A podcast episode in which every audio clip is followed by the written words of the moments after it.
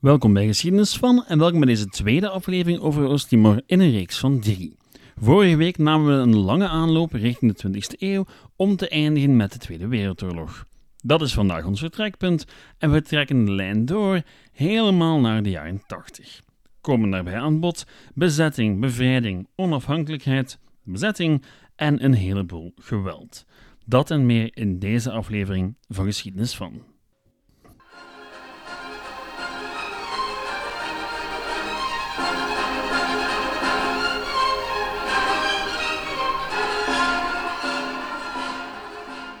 Beginnen doen we vandaag met een kleine dienstmededeling. Dit is een reeks van drie afleveringen geworden en niet de beloofde twee. Reden? Wel, er was te veel om nog in één aflevering te persen. Een normaal script bedraagt zo'n 2500 woorden en toen dit script voor de tweede aflevering de 4000 woorden begon te benaderen, heb ik besloten om Oost-Timor drie afleveringen te gunnen. Ja, het is een klein land en relatief onbelangrijk voor de gemiddelde Belg of Nederlander, maar het verhaal is tragisch en verdient de nodige aandacht. Het is een van de minst besproken genocides en burgerrechtenbewegingen in West-Europa, dus waarom niet? En ik woon en leef hier nu eenmaal, dus als ik het relevant vind, eh. Goed, over naar de orde van de dag. Wie onze podcast volgt over het leven in Oost-Timor, kan soms de indruk krijgen dat dit land het nog steeds zeer moeilijk heeft. Eens je weggaat van de kust, zijn er amper begaanbare wegen. Elektriciteit en water zijn luxus waar men nooit echt op rekenen kan. En je bent voor veel van die zaken overgeleverd aan de wil van de weergoden.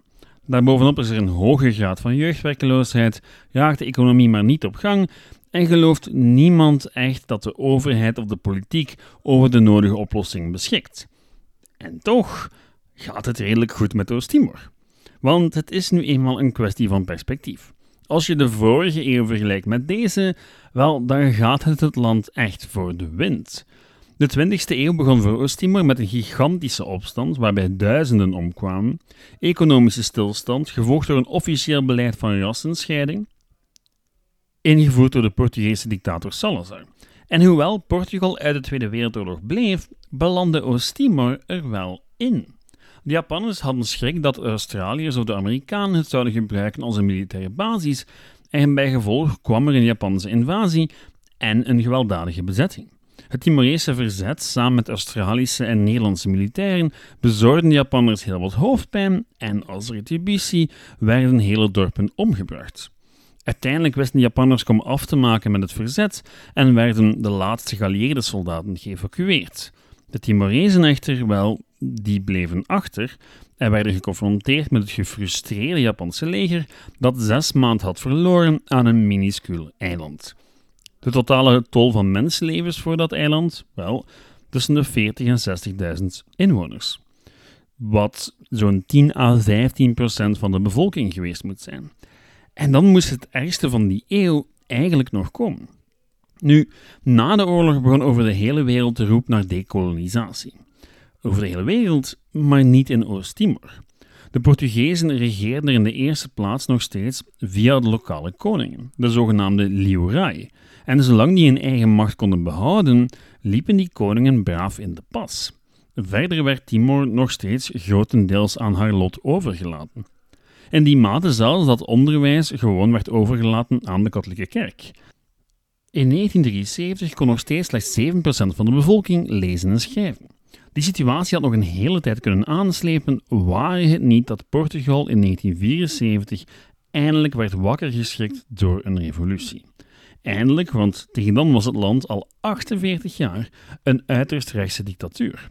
Het regime had zich steeds met hand en tand verzet tegen dekolonialisering en dure oorlogen gevoerd tegen de onafhankelijkheidsbeweging in Mozambique, Angola en Portugees-Guinea. Met de revolutie van 1974 eindigde dat beleid en wou Portugal zo snel mogelijk dekolonialiseren. Ook in Timor. Bijgevolg werd in april 1974 de eerste stap genomen richting onafhankelijkheid. Timorezen mochten voor het eerst in hun geschiedenis eigen politieke partijen vormen. In de loop van 1974 waren er drie die boven de rest uitstaken. En het waren drie ideeën over wat Oost-Timor moest zijn. Zo had je de UDT, de União Democrática Timorense, die vooral de gevestigde klasse vertegenwoordigde. Ambtenaren, grootgrondbezitters enzovoort. Die hadden best goed gevaren bij het Portugese regime en hadden weinig zin in radicale verandering. Maar ze voelden aan dat een deel van de bevolking zin had in onafhankelijkheid en sloten zich daar dan maar bij aan. Wel in de hoop dat ze andere veranderingen onder controle zouden kunnen houden. Wie wel zin had in radicale verandering was Fertilin, Frente Revolucionaria de Timor-Leste. Revolutionair en links op het communistische af. Deze twee partijen wouden onafhankelijkheid. De ene, UDT, met gezonde tegenzin, de andere met een bijna religieuze overtuiging. Zij hadden het over een linkse revolutie van het volk. Er was echter nog een derde partij. APO-DT, Associação Popular Democrática Timorense. En die, die wou, ondanks haar Portugese naam, deel gaan uitmaken van Indonesië.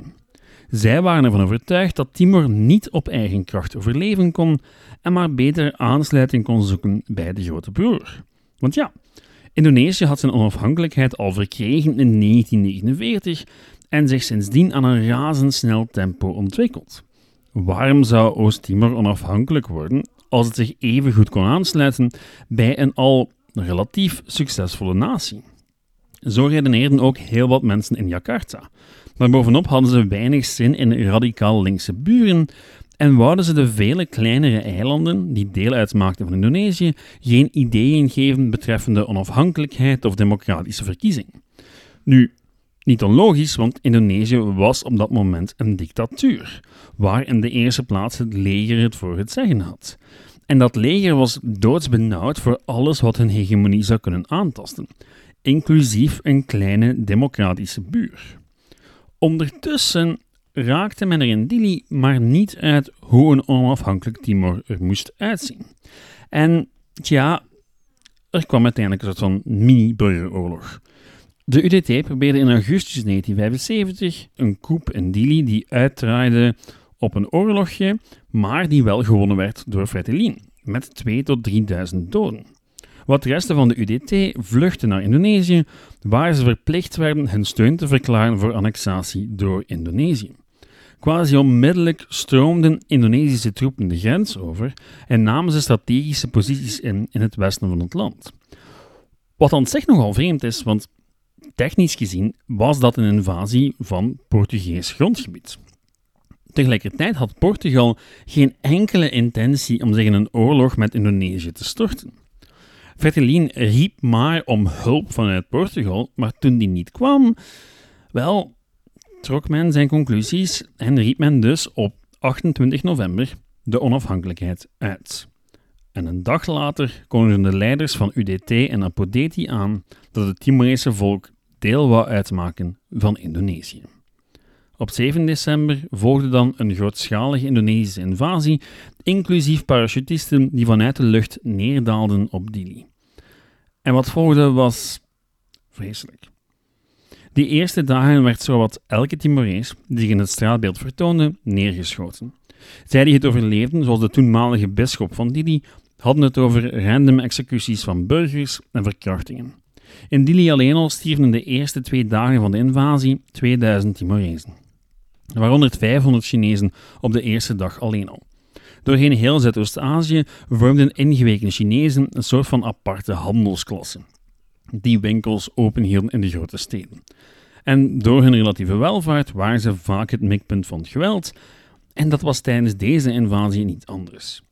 Het moorden stopte eigenlijk pas toen het leger op het Timorese binnenland stootte, waar zich ondertussen ook een groot deel van de bevolking verscholen had.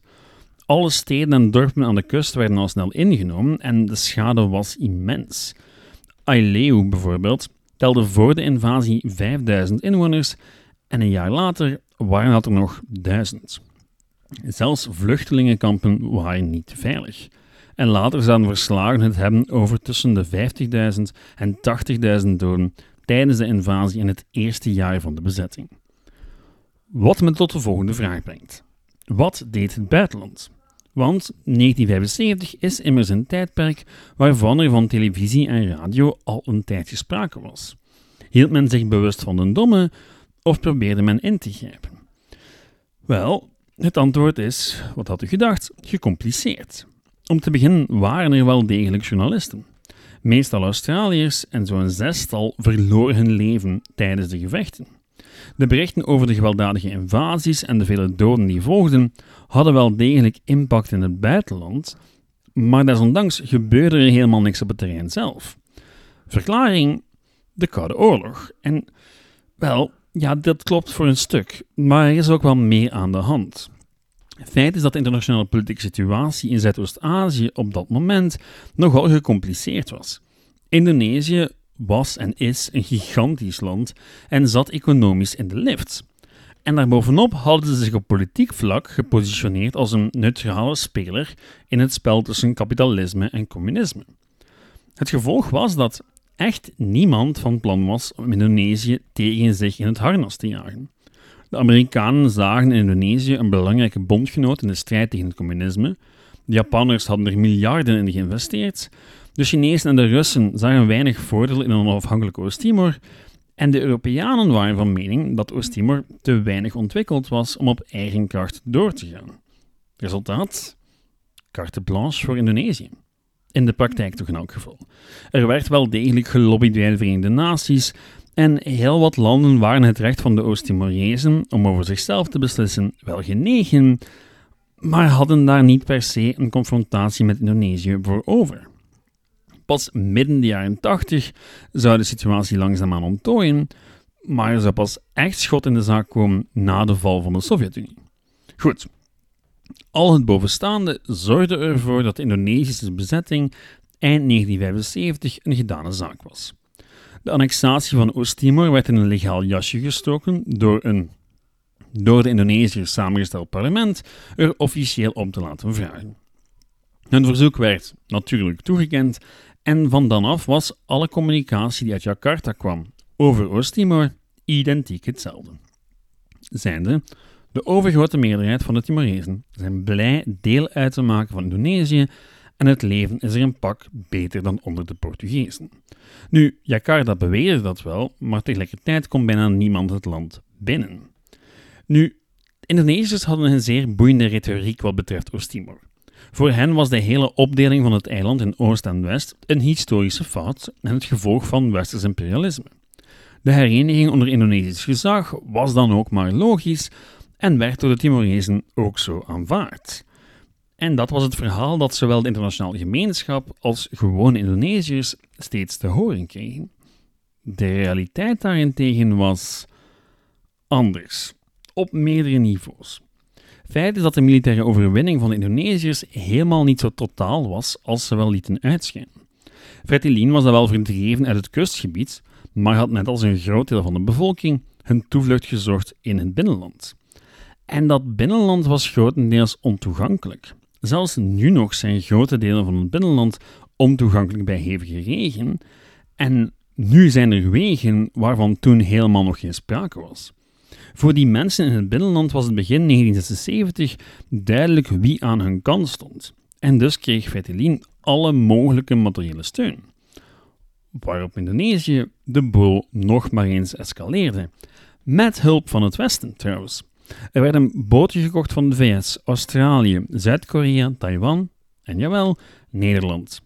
De VS leverde ook nog eens 13 vliegtuigen die gebruikt werden om het verzet te kunnen vinden in de bergen en om er nadien napalm bovenop uit te storten. Tel daar nog eens 10.000 extra troepen bovenop en je begrijpt al snel waarom Fretilin het naar het einde van de jaren 70 toe zeer moeilijk zou krijgen. Bombardementen en het gebruik van napalm zorgden ervoor dat heel wat regio's in het binnenland totaal onbewoonbaar werden. Vervolgens werden burgers gedwongen om hand in hand de jungle in te trekken met achter hen Indonesische troepen. Een soort van levend schild, een levende ketting, die diende om de verzetstrijders voor een onmogelijke keus te stellen. Gepakt worden of schieten op hun eigen burgers. En het werkte. Het verzet brokkelde volledig in en op 31 december 1978 werd Nicolau Lobato, de president van Fretilin, neergeschoten vanuit een helikopter. En daarmee leek het verzet definitief gebroken. Van een leger was helemaal geen sprake meer. Enkel individuen of kleine groepjes die probeerden zich te verschuilen voor de Indonesiërs. Nu zou je kunnen denken dat dit het einde was, maar eigenlijk eindigt de ellende niet hier. Ja, het binnenland was wat volledig vernietigd en bij gevolg moest de bevolking van het binnenland afdalen richting de kust en dus in de handen van het Indonesische leger. En die wouden echt zeker zijn dat het verzet afgelopen was. Wie dus ook maar in de verste verte verdacht werd van samenwerking met het verzet, werd geëxecuteerd. En terwijl het leger besliste of je wel of niet schuldig was aan verzet, verbleef je in een zogenaamd transitkamp. De omstandigheden waren er abominabel en velen stierven aan ondervoeding, cholera, diarree en tuberculose. Zelfs na de kampen werd de toevoer van voedsel strikt gecontroleerd en in een rapport van de VN werd later aangetoond dat dit een bewuste tactiek van het Indonesische leger was om een deel van de Timorese bevolking uit te hongeren. Wat perfect past onder de definitie van genocide. Dus ja, de situatie was echt verschrikkelijk. En het duurde tot 1979, dus vier jaar na de invasie, tot internationale hulporganisaties toegang kregen tot Oost-Timor en voedselhulp het land binnenkwam. Maar liefst vier jaar was Oost-Timor volledig afgesloten van de buitenwereld. Nu, met die buitenlandse hulp werd het grootste lijden getemperd, maar het betekende niet het einde van de arrestaties, de folteringen en het gewelddadige karakter van de bezetting. Gevangenen ondergingen per definitie foltering tijdens hun verblijf in de gevangenis.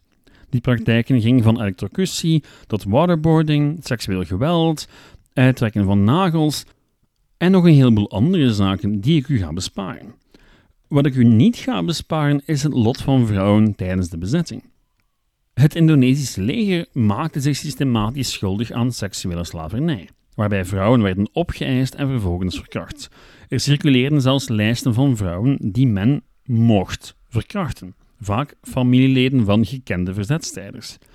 Daarbovenop was er ook sprake van bewuste sterilisatie van Timorese vrouwen tijdens de bezetting, zeker als ze geassocieerd werden met het verzet.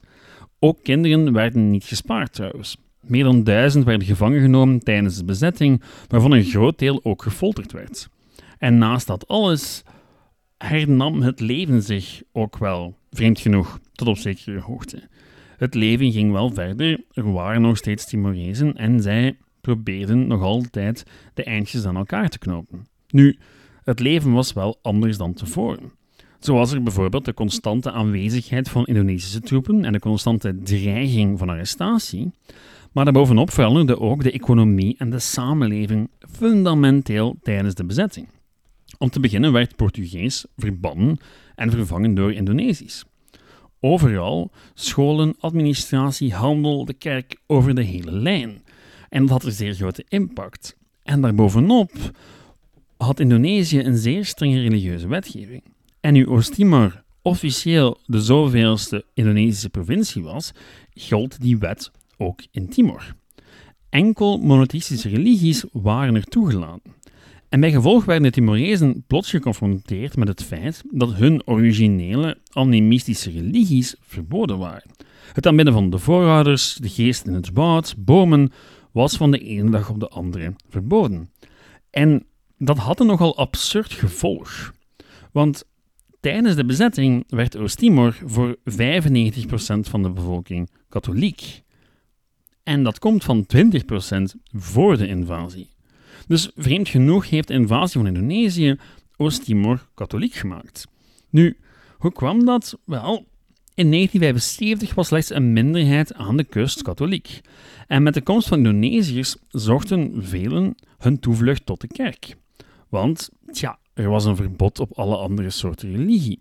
Nu, de kerk die reageerde redelijk intelligent. Zij verwelkomden nieuwe leden en lieten heel wat animistische aspecten van die andere religies doorcijpelen in de lokale katholieke kerk. Of hoe voorouderverering naadloos geïntegreerd werd in het lokale katholicisme. En de katholieke kerk zorgde dus voor een min of meer veilige plek voor Timorezen om hun identiteit te bewaren in een periode waarin die duidelijk bedreigd werd. Daarbovenop hielpen bisschoppen en priesters vaak vluchtelingen die zich wouden verstoppen voor de Indonesiërs. of hoe de Timorese identiteit en de kerk met elkaar verstrengeld raakten tijdens de bezetting. Nu, er was ook nog een ander aspect dat het Timorese gevoel bevorderde. De nieuwkomers. Want naast nieuwe wetten stroomden er ook een heleboel nieuwe inwoners richting Oost-Timor vanuit Indonesië.